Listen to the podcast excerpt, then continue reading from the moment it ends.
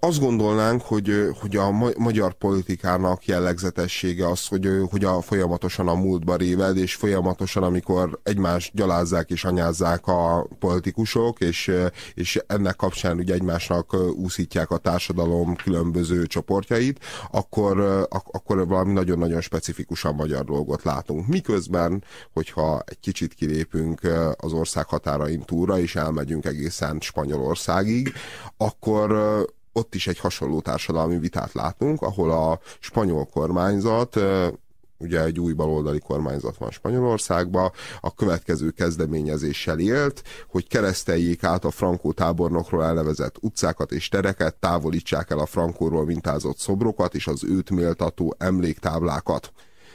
És hát ugye az, azért érdekes ez a kérdés, mert egyáltalán hát döbbenetes, hogy ennek a kifejezetten rossz emlékű, ki, kifejezetten vérszomjas diktátornak egyáltalán vannak még emléktáblái, utcái, terei Spanyolországban, miközben hát ez a Spanyolország már az 1980-as évek óta tagja az Európai Uniónak, és, és egy kifejezetten haladó közélettel, nagyfokú, mit tudom én, katalán autonómiával rendelkezik. Baszk autonómiával is vannak most, most már lassan baszk autonómia is lesz, tehát hogy egy kvázi modern európai ország, és, és a múlt démonjai ugyanúgy ott vannak az utcákon, a tereken, és, és az emléktáblákon, hát mint ahogy Magyarországon nem, és, és ott ez most vita 20 év után, és, és addig egészen jól el tudtak a különböző baloldali kormányok lavírozni azzal a társadalmi konszenzussal, ami különben egy gyomorforgató társadalmi konszenzus, hogy, hogy, hogy ezek a táblák, és ezek a szobrok, és ezek a, az utcanevek kin lehetnek, mert, mert, mert, mert valahol felháborító, mégis hát pontosan tudjuk, hogy Spanyolországban 16 éven keresztül szociáldemokrata kormányzat volt, és utána nem olyan rég jött egy jobboldali kormányzat. De és már az is elment haza de már az is el, el, elment haza, és, és Magyarországon, ahol azért ilyen módon nem él a múlt, ahol ilyen módon szerencsére nem a, se a nemzetvezetőnek, se, se Kádár Jánosnak, se Rákosi Mátyásnak nincsenek szobrai, nincsenek utcái, mégis a magyar belpolitikát ez a fajta kérdés milliószor, de milliószor jobban áthatja, mint ismereteink szerint a spanyolt. Hogy mi lehet ennek az oka, és mi lehet annak az oka, hogy Spanyolország most néz csak ezzel szembe, és, és most készül arra, hogy, hogy valamilyen módon módon leszámoljon ez, ezzel a múlttal, bár megjegyzem, hogy az ottani politikai jobboldal védi Frankónak ezeket az emlékhelyeit és emléktábláit és utcaneveit, mert azt mondja, hogy, hogy hát hogy a társadalmi békét veszélyeztetni ezeknek az eltávolítása, hiszen, hiszen a társadalmi békét azok az emberek, akiket Frankó kormányzata megkínzott, megerőszakolt, megölt, és, és akik kusba voltak 20 évig, azok értelemszerűen nem veszélyeztetik. Most, a, a, a, amikor ezeket le akarják szedni, és esetleg esetleg majd a régi frankóisták majd fel fognak háborodni, a katonatisztek ne, hogy Isten a revolverükhöz kapnak idegességükben, az veszélyezteti a társadalmi békét, tehát azért hihetetlen képmutató érvelés ez Spanyolországban legalábbis innét távolról annak tűnik. Aha, hát az a lényeges különbség, mondjuk, hogyha így elkezdem, elkezdem vizsgálni, hogy vajon mi a különbség a között, mondjuk Mussolini és Franco között, tehát Mussolininak vajon miért nincsen emléktáblája, Frankónak meg vagy terei, meg utcái, meg, meg, meg meg különböző, különböző vasútállomásai, és miért van, miért van Frankónak? Hát, hát azt gondolom, hogy azért, mert Frankó az, az lemondott erről a diktatúráról. Tehát ő, át, ő átengedte a, a, engedte demokratizálni azt az országot. Tehát ő visszalépett kettőt, és, és átadta a, a demokrácia mezejévé tette az, az országot, kvázi. És ez, ezért maradt meg ő ebben a jótékony státuszban a, a spanyol történelmi emlékezetnek a, a hát ő, ő, ő, János, ő János Károlynak akarta átadni a hatalmat, tehát ő, ő a királyság intézményében hit, az, az, Engedte hogy, demokratizálni az országot. Hát fő, főképp János Károly engedte azt az országot demokratizálni, tehát maradjunk egyébe. Azért a, a jó, jó tábornoknak a demokráciáról való elképzelései azok szerintem nem, nem, nem biztos, hogy a 20.-21. század liberális felfogását val bármilyen módon is összeegyezhetőek lennének. Másrészt meg hát Frankó tábornok mind, mind a mellett, hogy mondjuk egyetlen pozitívumot el lehet mondani, hogy megkímélte az országát a második világháborútól, amellett előtte rendesen végigírtotta. Igen, de mondjuk a, igen, de mondjuk a katalánokat nem kifejezetten, és meg a baszkokat nem kifejezetten kímélte meg. A saját polgárháborúja során azért ezeket leírtotta keményen. Hát és a polgárháború során és aztán az uralkodása, vagy a diktatúrája során legalább ugyanúgy. Hát igen, az a, az a fő kérdés, hogy, hogy Magyarországon, hogyha már összevetjük Magyarországgal, mondjuk ugyebár a, a kommunisták átadták a hatalmat, tehát engedték hasonló módon demokratizálni, tehát nem álltak az útjába a demokratizálódásnak. Mondjuk az is igaz, hogy Kádár Jánosnak nem volt életében tere meg utcája úgy, ahogy Frankónak, tehát nem volt mit megváltoztatni, vagy mit nem megváltoztatni, de az is igaz, hogy nem Kádár adta át a hatalmat személy szerint. Az a kérdés, hogy ha ezt a változást Kádár felügyeli, akkor ő is ilyen jótékony képet kapna a magyar történelmi arcképcsarnokban, mint amilyet Frankó kapott?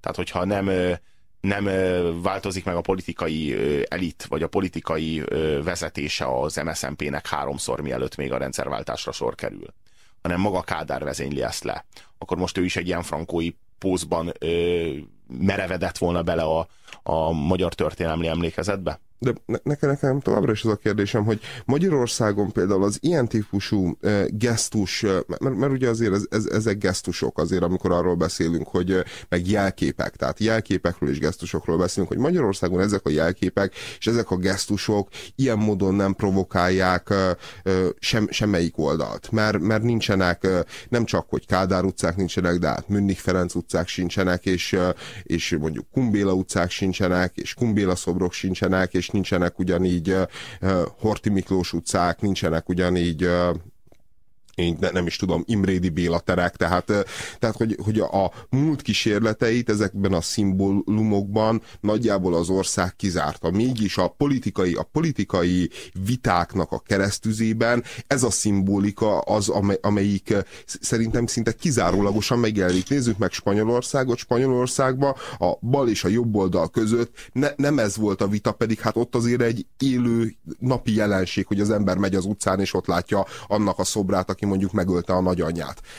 És mégsem ez a, ez, ez a politikai vita, hanem például az volt ugye most le, legutóbbi választáson a, a politikai küzdelemnek a tétje, meg amiről beszélgettek a politikusok, hogy kivonuljunk-e Irakból, vagy nem. Uh-huh. És, és, és egymásnak hát ez mentek, itt, ez itt föl sem kül, kőkeményen, ugyan, ugyan, ugyanolyan intenzitással, ugyanolyan keménységgel, mint Magyarországon, de egy olyan kérdésben, ami nem a múltról szól, hanem arról, hogy a jövőben legyenek-e katonáink Irakba. Magyarországon, meg, meg miközben ezek a szimbólumok nincs nincsenek jelen ilyen módon az életünkben, mégis a politikusok folyamatosan ezeket a szimbólumokat, ezt a szimbólumrendszert vissza akarják hozni, mondom, hát mi sem jellemzőbb erre, mint hogy Tarlósról egy ilyen fasisztoid, homofób figura képet próbál festeni az SDS, mert az illik bele ebbe a sorba, ahol Frankó található, ahol mit tudom én, Orbán Viktor található, és, és, és, és, és ahol mind, mind, mindenfajta diktátor, diktátor szerű, vagy diktátori hajlamú ember, miközben, miközben természetesen a jobb oldalról meg ugy, ugyanúgy létezik ez, és, és bár néha bankár kormányoznak, nem mindig feltétlenül tudják eldönteni, hogy a, hogy a nagy tőkészséggel és a multitőkével, meg a banktőkével való készfogóról beszéljenek, ahogyha az MSZP-ről beszéljenek, vagy, vagy, vagy az SDS-ről, vagy sokkal inkább a apákról és fiúkról, a Pető édesapáról, a, vagy arról beszéljenek, beszéljenek, hogy a Bauer papáról, vagy, vagy beszéljenek, ne, ne adj Isten, hogy Horn Gyula, Rákosi Mátyás, és nem tudom én micsoda, tehát hogy fe, ezt, fel, felállítani ezt a, ezt a hosszú ívet. Ezt nem feltétlenül tudják eldönteni, de mindenféleképpen valami ilyesmit kommunikálnak, vagy egyiket, vagy másikat, és ez alapján töredezik a magyar társadalom kétfelé. Ez alapján a retorika alapján, miközben hát egyáltalán nem egy élő probléma, mondjuk összehasonlítva Spanyolországgal. Vannak itt SMS-ek. amelyek arra vonatkoznak, hogy azért nem minden fenékig tej fel nálunk sem. Már legalábbis a múltunkkal való elszámolás ügyében. Stalin meg Budapest díszpolgára. Na jó, erről nem a mai elit tehet, hanem az a budapesti vezetés, amelyik még Budapest díszpolgára vetette Stalint. De, de, nem díszpolgára Budapestnek Stalin, tehát... Nem? Tehát, most, Ezt így visszavonták már tőle? Vagy de, mi van? de most az a, az a főjegyzőnek a hivatalos véleménye, hogy, hogy ez, ez, ez, a, ez a kinevezés, tehát hogy ez a rendelete a fővárosnak, ez már nem hatályos, tehát hogy ez, ez, ez nem létezik, és, hogy, és ugye ez volt a Demszkiék is azt mondták, hogy hogy, hogy, ne, hogy, hogy a múltnak, ilyen, ilyen módon a múltat nem lehet jóvá tenni, hogy most hoznak egy elítélő határozatot Sztálinról. És hát Budapestnek elég sok mondjuk kétes figura volt az idő, utóbbi időben díszpolgára, de nem hiszem, hogy ez bárhol is számon lenne tartva, és, és nem hiszem, hogy mondjuk Budapestnek tényleg ez a legnagyobb baja, hogy, hogy, hogy Sztálint valamikor 50-60 évvel ezelőtt díszpolgárának nevezték erre, bát, erre bátorkodtam utalni én is. A másik SMS író a legendára hivatkozik, mégpedig a Horn legendára, ami szerint Horn a vasfüggöny bontó, és talán a ki nem, ki nem mondott utalás, az Hongyula egyéb a múlt rendszerben elkövetett tevékenységeire vonatkozik. Horti utca van Pátyon, legalábbis fél éve még volt. Hát ez is a múltunkkal való elszámolás hiányosságaira vonatkozik. Na, nem, ez, ez nem arra vonatkozik, tehát hogy akár, akár a Horti utca, akár a Turul szobor lesz mondjuk, mint hivatkozás, hogy az ilyen típusú gesztus politikába. Mind a kettőnél el kell mondani azért, hogy se a Turul szobor önmagában, se Turul szobor az mondjuk nem, nem, nem feltétlenül egy ilyen fasi, fasisztoid jelkép, amitől úgy különösebben félni kellene. Vagy De most te kellene. te fel a Turul szobrot. A, a, jó, jó csak, csak mondom, ugye, hogy ez, ezek voltak az utóbbi idők nagy szimbólum küzdelmei Magyarországon. Ugye ilyen volt a Horti utca, ami, ami azért miközben azt mondja az ember, hogy a Horti Horti tevékenysége az semmiképpen sem mondjuk a magyar történelem legdicsőbb lapjaira kívánkozó államférfiúi teljesítmény. De te nem tudod például Frankóval egy lapon de említeni. Frankó, Frankóval szerintem túlzás egy, napon egy, egy lapon emlegetni erős túlzás. Tehát hát. mi, mi, mi, miközben a, jó, a figuráról mondjuk szerintem igazából az a, az a jellemző, hogy, egy, hogy, hogy egy, nem, nem volt egy tehetséges ember, egy sodródó, szerencsétlen valaki volt, aki, aki túlságosan is még az előző században élt sem, mint abban, amelyikben neki lehetősége az a baj, hogy az egész, ország, az a baj, hogy az egész országot nagyon 19. századivá tette ez, a, ez az ő... Tehát, valakinek megvan a joga ahhoz, hogy nosztalgiázon, csak ne ráncsa vissza az egész országot, ha egy mód van rá. Telefon, haló, haló?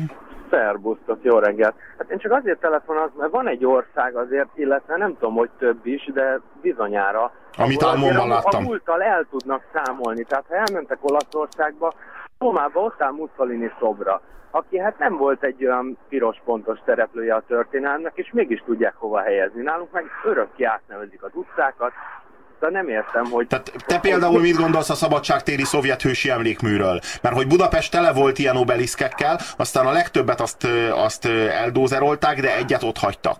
Te ott hagytad volna neked csípi a szemed, vagy... vagy... Megmondom őszintén, nekem nem az emlékmű csípi a szememet, hanem ami övezi. Mi övezi azt az emlékművet?